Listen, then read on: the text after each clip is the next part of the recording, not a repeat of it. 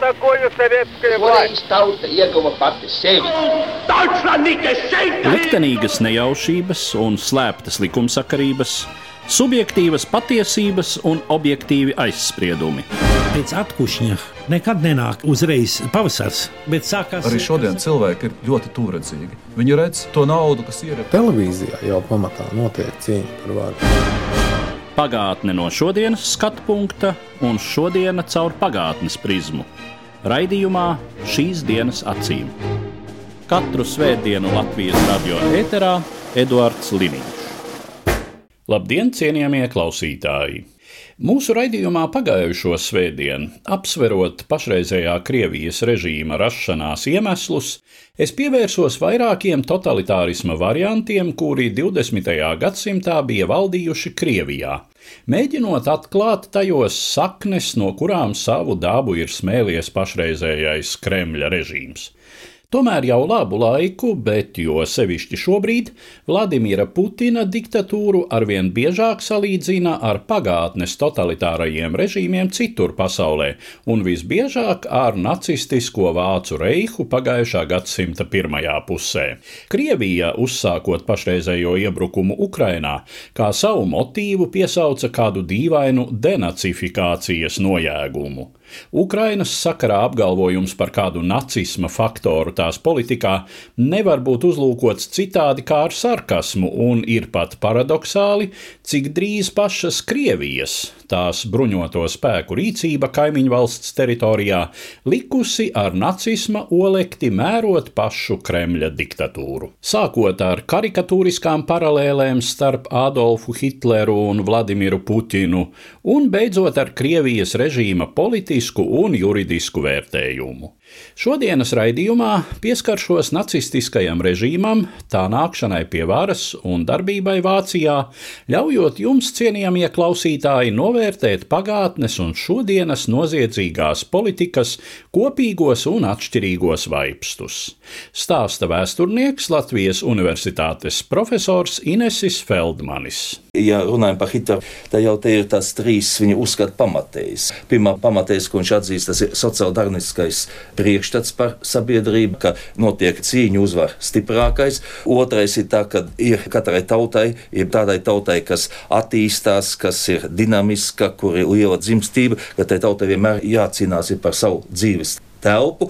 Un trešais ir šis jau mans minētais antisemītisms, un tad jau ļoti bieži Hitlera pētnieki nonāk pie tāda secinājumu, ka vismaz attiecībā par antisemītismu viņš ļoti daudz iespaidojies tā laika Austrijā. Nu, viņam ir tas augstais vīnas periods no 1908. līdz 1913. gadam, ka šajā laikā viņš ir lasījis ļoti, ļoti daudz antisemītiska rakstura literatūru, ja, jo toreiz Vīnē antisemītisms bija izplatīts, un ka viņš caur šo presi, caur šo literatūru arī pie saviem tādiem antisemītiskiem uzskatiem ir nonācis. Šī literatūra tiešām bija ļoti, ļoti bagāta. Nu, mēs zinām, ka 19. gadsimts ir ar to slavens, 19. gadsimta beigas, 20. gadsimta sākumu, ka tajā laikā radās visi lielie ideoloģiskie strāvojumi un visādas idejas tiek izvirzītas, tā skaitā arī par antisemītismu. Nu, šeit kaut vai Hjūsona Čemberlina darbi.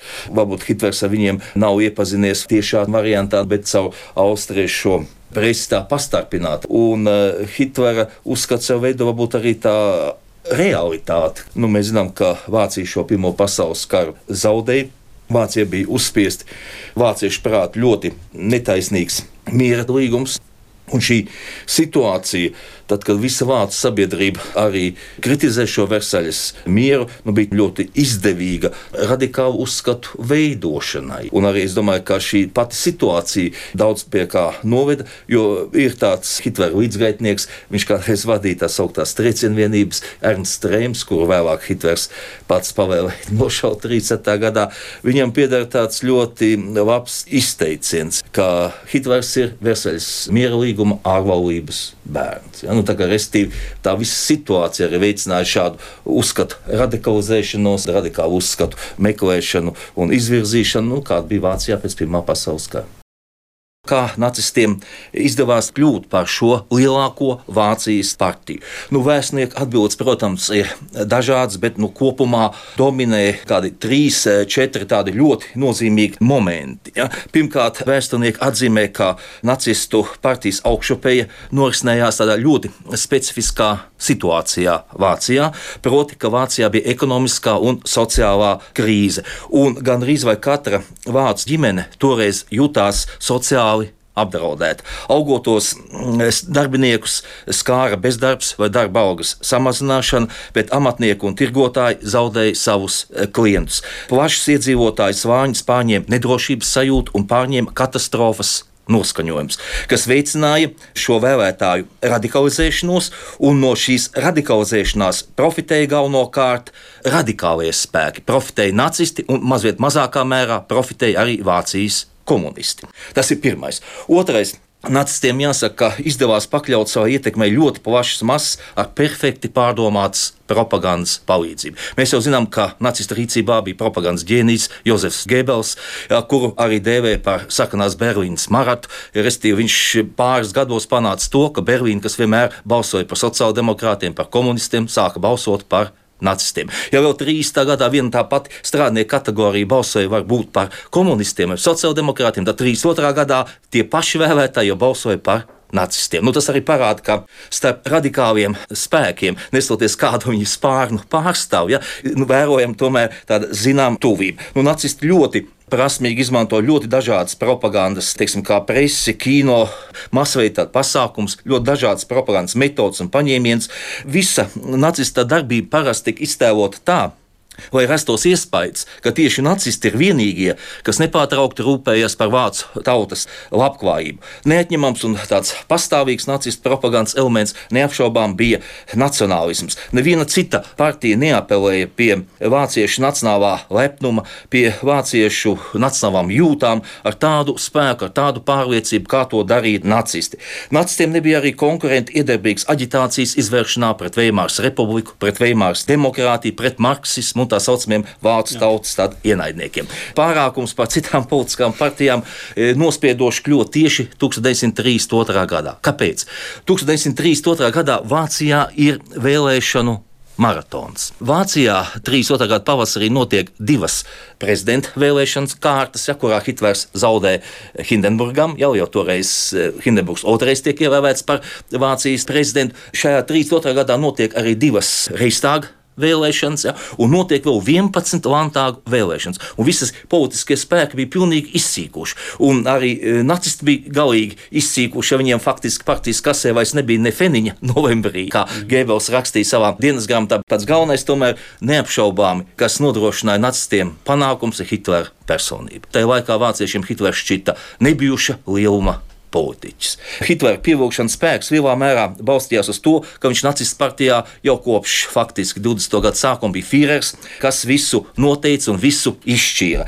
Pēc ķēzara Vilhelma II atteikšanās pēc Pirmā pasaules kara, tad 18. gadā no troņa, vāciešiem vairs nebija tik ļoti nepieciešamā elka, nebija ļoti nepieciešamās autoritātes vai ako valdnieka. Savā laikā lielais Bismarks ir izteicies, ka vācieši ļoti cieši sauguši ar firstiem. Viņi nevar iedomāties, nu, ka viņiem nav tāda valdnieka, kuru viņi varētu apbrīnot.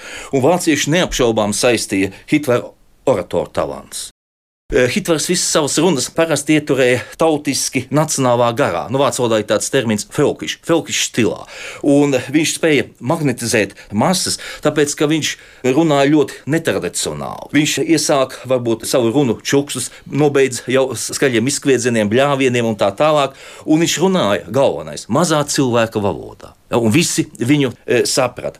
Kā orators viņš vienlaikus, kā parasti vēsturnieki raksta, uzstājās it kā divās lomās. Viņš uzstājās kā ģimenes tēva lomā un uzstājās Vācijas valdnieka lomā. Un abās šajās lomās Hitlers bija lielisks. Viņš prata kritizēt intelektuāļus, parādīt to, ka nacisti ir vienīgie, kas aizstāv vācu tautas intereses. Un pēdējais faktors, kas neapšaubām nodrošināja nacistiem ļoti lielus politiskos panākumus, bija tas, ka nacisti bija salīdzinoši jaunu cilvēku partiju. Nu, Hitleram gan tajā laikā ir 40, 43 gadi. Nu, ja? politiķiem- Eh, jā, politiķiem tas tas nav daudz, bet viņa līdzgaitnieki, teiksim, Gēbels, Himlers bija daudz jaunāki. Gēbels 897. gadā dzimis, Himlers 1900. un eh, šos nacistu dažus pārspīlējumus vācu vēlētāji uztvēra kā jaunatnes maksimālismu. Ja? Un domāja, ka ar laiku noregulēsies un viņi būs kārtīgi politiķi. Jāsaka, daži vēsturnieki saka, ka Hitlers pie varas noved divas vēlētāju kategorijas. Sievietes, kas visu laiku pielūdz Hitleru, un studenti, akadēmiskā jauna. Kā nacistu režīmām pirms 80 un vairāk gadiem, tā šodienas Krievijas varai ļoti nozīmīgs ir vadoņa kults. Režīma līderis ir tā centrālais tēls, tā vadonis un demiurgs, bez kura pati režīma eksistence kļūst apšaubāma. Propagandas apdullinātā tauta pakāpeniski sāk identificēt režīmu tā vadoņa personā ar visu valsti, uzlūkojot diktatora likteni kā visas nācijas nākotnes, pat pašas tās pastāvēšanas ķīlu. Kāda bija Adolfa Hitlera personības loma nacistu režīma tapšanā un pastāvēšanā? Vēsturnieki bieži vien izvirza tādu ļoti interesantu, man liekas, jautājumu, arī filozofi izvirza jautājumu. Hitlers jau tomēr ir tāds, varētu teikt, ārēji necila personība. Viņš jau nebija nekāds muskuļots atlētājs. Hitlers arī nebija garģēnis. Kā šāds cilvēks varēja tādu ietekmi tomēr vācu tautā iegūt? Un eh, šeit nu lielākoties vēsturnieki atbild ir tas, ka viņš mācīja runāt mazā cilvēku valodā visiem saprotamā valodā, un ka viņš bija pūļa cilvēks. Viņi visu stipri ar savēju. Un uh, vēl, ja vēsturnieki iet dziļāk, tad meklē tās veiksmes cēloņus viņam kā propagandistam un tā tālāk. Un pat šādus cēloņus atrod viņa uzvārdā. Jo uzskata, ka viņa uzvārds vācu ausīm ir bijis ļoti tīkams. Hitlers tomēr jau laikam bija tāds iedzimts politiķis. Viņš jau ļoti labi saprata, kas ir jādara, kādi attiecīgā momentā lēmumi ir jāpieņem. Un eh, viņš arī ļoti prātīgi visus šos jautājumus apsvēra. Un arī šeit ir daudzi tādi momenti, kas viņam nāca par labu, bet kas arī ir tā it kā izrietoši no viņa rakstura. Vienu piemēru. 1923. gada eh, novembrī, kad notiek Minhenes saules pučs neveiksmīgais, Hitlera ir naciskā kustība cieši šajā pučā neveiksmi, bet puča īstenošanā piedalījās ne jau tikai Hitlers, tur piedalījās ļoti daudz, tā skaitā arī pazīstamais vācu ģenerālis Eriks Ludendorfs. Bet eh, Hitlers tiesā ka viņu tiesāja par šo pret Veimāras republikas vērsto soli, tiesā uzņēmās vainu tikai uz sevi. Un, piemēram, ģenerālis Udendorfs tika attaisnots. Hitleram piespiedat piecus gadus. Un, kā, restīvi, šis moments arī viņam ļoti nāca par labu, jo tolaik visos Bavārijas grodziņos sacerēja dziesmas un dziedāja par Hitleru, cik viņš ir nacionāli noskaņots. Abiem režīmiem kopīgs ir tas, ka tie nebūtu uzreiz neatklāja sabiedrībai savu agresīvo raksturu. Sākotnēji kā vācu nacisms, tā Krievijas pašreizējā diktatūra patiešām veidoja izjūtu, ka dzīve valstī pie jaunās kārtības uzlabojas. Krievijas gadījumā, kā zināms, par nozīmīgu resursu kalpoja valsts dabas bagātību, pirmām kārtām energoresursu eksporta dotie ienākumi.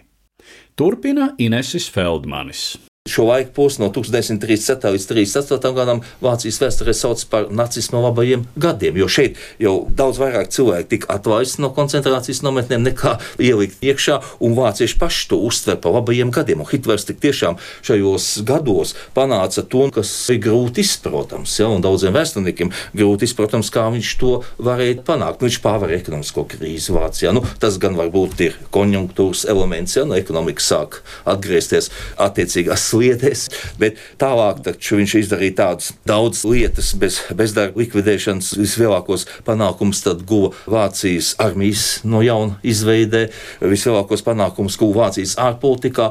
Un jāsaka, ka tas, ko Hitlers darīja Vācijas ārpolitikā līdz 38. gadam, ir viennozīmīgi. Nu, piemēram, šeit varbūt nocitēšu vienu no Hitlera galvenajiem biogrāfiem, kas ir ļoti daudz rakstījis par Hitleru. Tas ir Joachims Fests. Secināja, ja Hitlers būtu cietis atentātā, būtu nogalināts atentātā, kas pret viņu tika izdarīts 38. gadā un arī varbūt vēl 39. gadā, tad viņš vāciešu apziņā pret Hitleru tika plānoti 42 atentāti. Diezgan laimīgi viņš visus pārdzīvojis. Un, ja Hitlers būtu gājis bojā, nu, teiksim, 38. gada atentātā bojā, tad viņš paliktu vāciešu apziņā kā pats vislabākais vācu politiķis visā Vācijas vēsturē, kas daudz augstāk tiktu virzīts, stādīts par Otto Bismarku. Ja, tā kā Šeit viņš neko tādu nedarīja, kur viņam nebūtu gandrīz, es pat nebaidos no tā vārda, simtprocentīgi vāciešu atbalstu.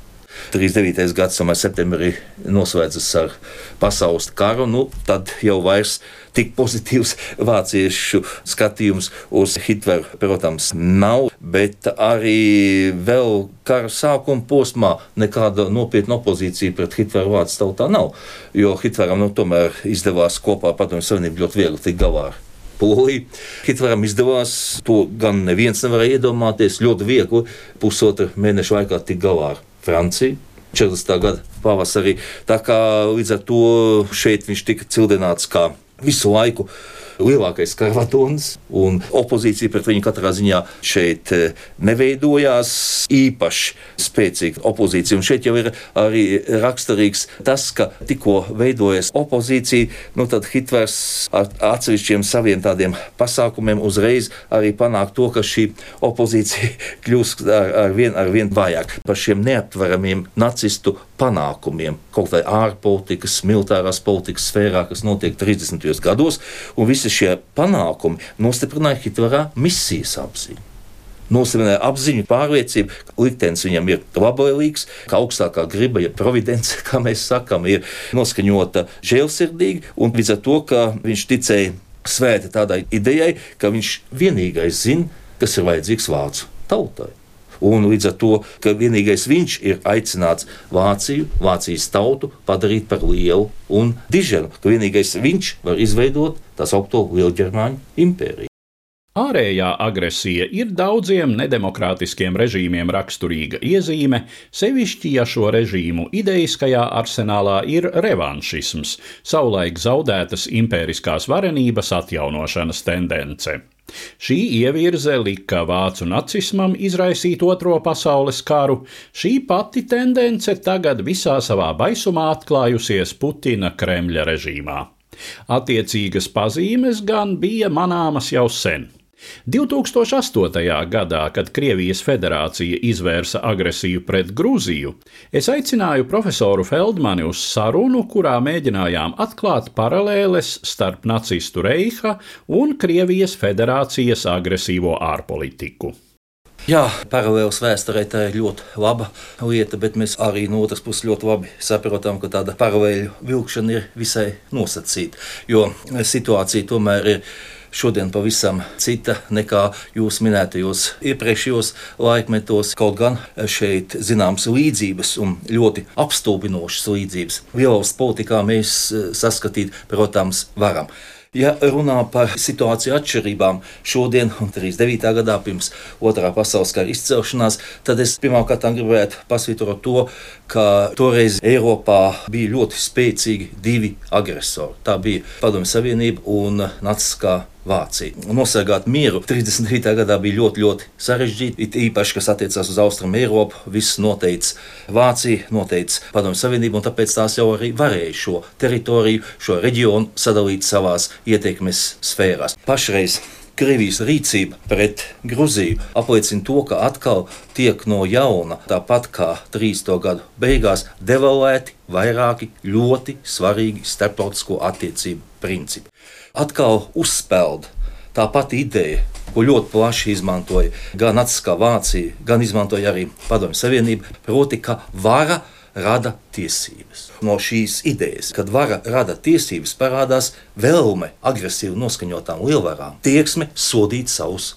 kaimiņus. Es domāju, ka tas Grūzijas gadījumā nu šķiet parādās diezgan spilgti. Jo šeit jau faktiski ir agresija pret Grūzijas valsti, bet nu, no Krievijas puses pasniegta zināmā mērā kā soda akcija. Ja mēs skatāmies, kā nacistu vadonis Adolfs Hitlers 39. gada 1. septembra rītā 4.50 formulēja Vācijas pozīciju. tad Tā ir ļoti līdzīga. Ja? Vācija tā nepieteica pat karupoja. Un par to, ka tā it kā 31. augustā bija uzbrukusi Gleivits radiostacijai, kas gan bija pašu nacistu spēcdienestu norganizēta provokācija. Nu, šeit nāca klāt arī otrs moments, kas arī parādās Krievijas visā šajā retorikā. Otrs moments, kā šī vēlme sodīt Poliju. Toreiz Hitleram ietvēra arī vēlmi mazliet Polijai atriepties. Atriepties par tās Vācijas skatījumā nekorekto attiecību pret Polijā dzīvojošiem vāciešiem. Jo Polijā dzīvoja toreiz ap vienu miljonu vāciešu. Tiešām poļu varas iestādes, to jau vēsturnieki šodien ir apstiprinājuši, arī pieļāva tādu rīcību, nu, kas it kā nav attaisnojama. Proti, apvainoja šos polijas rietumos dzīvojušos vāciešus, ka tie nodarbojas ar spiegošanu. Protams, tādi fakti tad droši vien arī iestāžu rīcībā bija, un viņi nolēma ļoti daudz vāciešu, nu, vietosim vārdu, pārcelt no polijas rietumiem uz polijas austrumiem. Un, protams, šīs pārcelšanas jau nenotika bez ekscesiem. Un tie arī prasīja zināmas cilvēku dzīvības. Un Hitleram jau tas viss tika pasniegts sāsinātā formā. Nu, apmēram upuru skaitu desmitkāršojot un tā tālāk. Kas arī ir ļoti zīmīgi Jā. šīs dienas kontekstā. Ja. Un šīm mazākuma tautību faktoru izmantošanai jau arī citas ļoti negatīvas sekas ir. Un es domāju, ka arī šis moments nu, diez vai ir tāds ļoti izdevīgs starptautiskajā ārēnā. Tas sāsina iekšpolitiskās situācijas daudzās valstīs. Vēl tādu paralēlu mēs velkam 30. gadu otrajā pusē, jau ļoti atklāti tiek ignorēts mazu valstu intereses. Vācija jau šo mazo valstu interesu ignorēšanu iesāka ļoti aktīvi 38. gadā, kad Naciskā Vācija lielā mērā mākslīgi izraisīja tā dēvēto sudetu krīzi. Sudetos toreiz šķiet bija 3,6 miljoni iedzīvotāji, no tiem 2,9 miljoni bija vācieši. Sudetu vāciešiem ar eh, Čehu varas iestādēm jau nu, nebija tā pati labākā satikšana arī iepriekš, bet nu, tomēr krīzes situācija šeit jau radīja Vācija. Izmantojot šeit savā labā Sudetu vāciešu partiju, ko vadīja Konrads Henlains, kas darbojas faktiski kā Vācijas piektā kolonija. Tas, ka Vācija sāka uzmesties par eh, citās valstīs dzīvojošo vāciešu aizstāvi, tas tak, radīja arī iekšpolitiskas krīzes situācijas arī daudzās citās valstīs. Latvija arī noteikti vietējo vācu baltiešu daļu, īpaši tie, kas sastāvēja tādā nacionālsociāliskā kustībā, kā sauc šo galveno organizāciju, ko vadīja Rīgas advokāts Erhards Kreigers, cerēja uz to, ka kā liecina politiskās pārvaldes materiāli, tajā laikā, 38. un 39. gadā, ka Vācija noteikti savā ārpolitikā kā mērķi izvirzīs Baltijas pakļaušanu, gaidīja, kad visu vāciešu vadonis Adolfs Hitlers nāks atbrīvot savus tautieši. Es domāju, ka tas ir ļoti slidens arguments izmantot, jo tas var arī radīt tādu zināmu bumeranga efektu. Un eh, mēs jau zinām, ka arī Krievija šodien, laikam, Dienvidostijā 90% bija pārvērtus par Krievijas pilsoņiem. Tā līdz ar to mēģinot eh, uzturēt spēkā šo tēzi, ka uzdevums ir aizsargāt eh, savus pilsoņus, bet tā ir slidena tēze, kas ņemot vērā. Es domāju, visas mūsdienu tagad realitātes, kas varbūt tās ne jau rīt vai parīt izpaudīsies, bet kas varbūt izpaudīsies pēc dažiem gadu desmitiem, tās var būt eh, bīstamas. Tagad it kā no Krievijas viedokļa vajadzētu būt rietumiem galvenajam strateģiskam apdraudējumam. Tas, protams, tā nav. Krievijas strateģiskais apdraudējums slēpjas pavisam kaut kur citur. Un Pat īpaši neslēpjas. Jā, tad dabiski, ka šeit kā galvenais faktors var būt jau tāda superlielos ceļošā Ķīna. Un es domāju, ka šajā ziņā jau Krievijai vienalga, vai viņa šeit izdarīja tādu it kā niķīga bērna gājienu, ka viņai vēlāk vajadzēs tā stingri meklēt ceļu atpakaļ. Varbūt Grūzijas variantā nospēlēja tomēr tāda nu, Maskavas vēlēšanās, mazliet parādīt, tomēr, ka Krievija sāk atgriezties kā lielvara. Šajā gadījumā gan lai šādu vēlmi apspiest iedīgli, es domāju, ka vajadzēja būt pavisam savādākai reakcijai. Es nedomāju, ka Amerikas Savienotās valsts, Amerikas Savienotās valsts varbūt reaģēja diezgan adekvāti, bet Eiropa manā skatījumā reaģēja ļoti bezobaini. Vācu ārpolitika līdz 39. gada martam balstās galvenokārt uz Volksgedanke, uz tautas ideju, kas paredz konkrēti to, ka Vācija pretendē tikai uz tām teritorijām, kurām vairākumā dzīvo vācieši. Un kamēr Hitlers šādu ārpolitiku piekopa, kamēr viņš mēģināja savu visu ārpolitiskos pasākumus attaisnot ar tautas ideju, rietumvielvalstis ar Eiropas sabiedriskā doma principā neiebilda. 39. gada martā Hitlers izdara nākamo soli uz priekšu. Viņš pakļauj Vācijas varai arī nevācu tautas. Tas ir šajā gadījumā Čehus 39. gada 15. martā iznīcina Čehoslovākijas valsts, izveido Bohēmijas un Morāvijas protektorātu. Tajā pašā laikā izveidojas arī neatkarīga Slovākijas valsts, kas noslēdz uzreiz aizsardzības līgumu ar Vāciju. Šeit šis nacionālais princips tiek pārkāpts, te tiek pārkāpta šī tautas ideja. Tagad Vācijas ārpolitiku sāk attaisnot ar citu ideju. Sāk attaisnot ar dēvēto impērijas ideju reizgadanke. Un šī impērijas ideja nu, ietver sevī jau daudz plašākas citu tautu pakļaušanas iespējas, jo šī impērijas ideja balstījās uz to, ka vāciešiem ir tiesības valdīt pār visām tām tautām, kas savā laikā ir bijuši tādā veidojumā valstiskā kā Vācu nācijas svētās Romas impērija, kas jau bija izveidojusies 10. gadsimtā un pastāvēja līdz Napoleona kara sākumiem, līdz 19. gadsimta sākumam. Un tikko Vācijas ārpolitika sāk balstīties uz šādu ideju, tā uzreiz arī tā izsauc ļoti asu citu valstu pretestību, un mēs zinām, ka Lielbritānija tieši šajā 39. gada pavasarī saistībā ar šo Vācijas akciju pret Čehoslovākiju praktiski atteicās no iepriekš īstenotās politikas, ko mēs pazīstam kā appeasement policy, ja, kā eh, šo nomierināšanas politiku un sāk tā dēvēto garantiju politiku, kur jau ietver sevī spēka demonstrēšanu iepratīm Vācijai. Tā kā redzam, ka līdz tam laikam, kamēr Vācija balstījās uz tautas ideju savā ārpolitikā, praktiski Eiropa pret to neprotestē. Mūsdienu Krievijas variantā šajā gadījumā ir runa par mēģinājumiem mazliet eh, nostiprināt bijušās impērijas ietekmes zonas. Es domāju arī, ka tā ārpolitika ir virzīta tomēr tādā perspektīvā, lai arī to savu teritoriju paplašinātu, nu, kaut vai uz eh, Dienvidu Osetijas rēķinu. Principā Eiropā, ja mēs neskaitām Krieviju, tad jau pa Eiropas galveno struktūru principu pēc Pirmā pasaules kara jau ja, 1918. gadā kļūst nacionālais princips, nevis vairs impēriju princips. Staļina politikas vadmotīvs jau bija šīs bijušās imperiskās varenības atjaunošana, un ne tikai imperiskās varenības atjaunošana. Viņš jau grāba visu, ko varēja sagrābt, ko viņam atļāva Vācija darīt, un jau bez Vācijas atļaujas jau viņš 30. Eh, gadu beigās, 40. gadu sākumā, nu neko tā īsti nevarēja izdarīt, ja un tikko viņa prasības kļuva pārāk nekaunīgas, kā to liecināja Molotova vizīte Berlīnē 40. gada novembrī, tā jau uzreiz šīs attiecības starp Padomju Savienību un Vāciju kļuva ļoti, ļoti asas, kas noved pie Vācijas uzbrukuma Padomju Savienībai. Bet eh, tā tendence ir, nu šodien es eh, nezinu, vai mūsdienu Krievija var pretendēt uz impērijas atjaunošanu no tādā izpratnē, kā tas tika izdarīts 39. 40. gadā, kā to izdarīja Staļins. Es domāju, ka tādas iespējas Krievijai nav. Šeit jau vairs e, šajā reģionā nevalda divi agresori, kā tas bija 39. gadā. Te tomēr liela teritorija daļa ir tomēr iekļaut drošības sistēmās. Tādas vēlmes, domāju, ka varētu pastāvēt, bet tās iespējas, es domāju, ir krietni, krietni mazākas nekā tas bija pirms otrā pasaules kara un otrā pasaules kara sākuma posmā. No arī rietumu darbība nevienmēr tā stingri ietilpst viņu pašu pasludināto principu ietvaros. Šīs nepilnības var ļoti labi izmantot Krievija savas ārpolitikas pamatošanai. Es šeit domāju par rietumu lielu valstu attieksmi pret Kosovas neatkarību. Krievija jau te vēl tiešas paralēlas. Ja?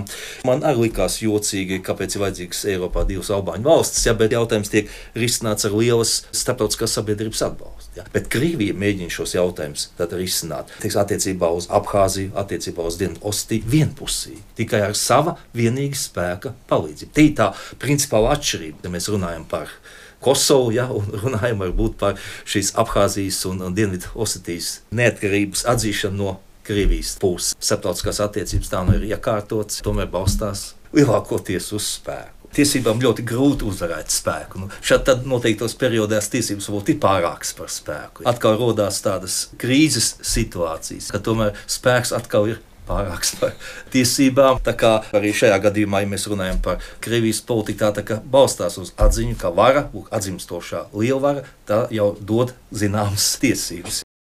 Līdz ar to izskan mūsu raidījums, kurā aplūkojām vācu nacisma kā totalitāras varas raksturu, velkot dažas paralēles ar prezidenta Puķina diktatūru šodienas Krievijā.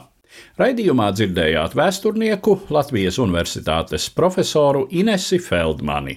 Uzredzēšanos cienījamie klausītāji! Katru svētdienu Latvijas radio viens par pagātni sarunājas Eduards Liniņš.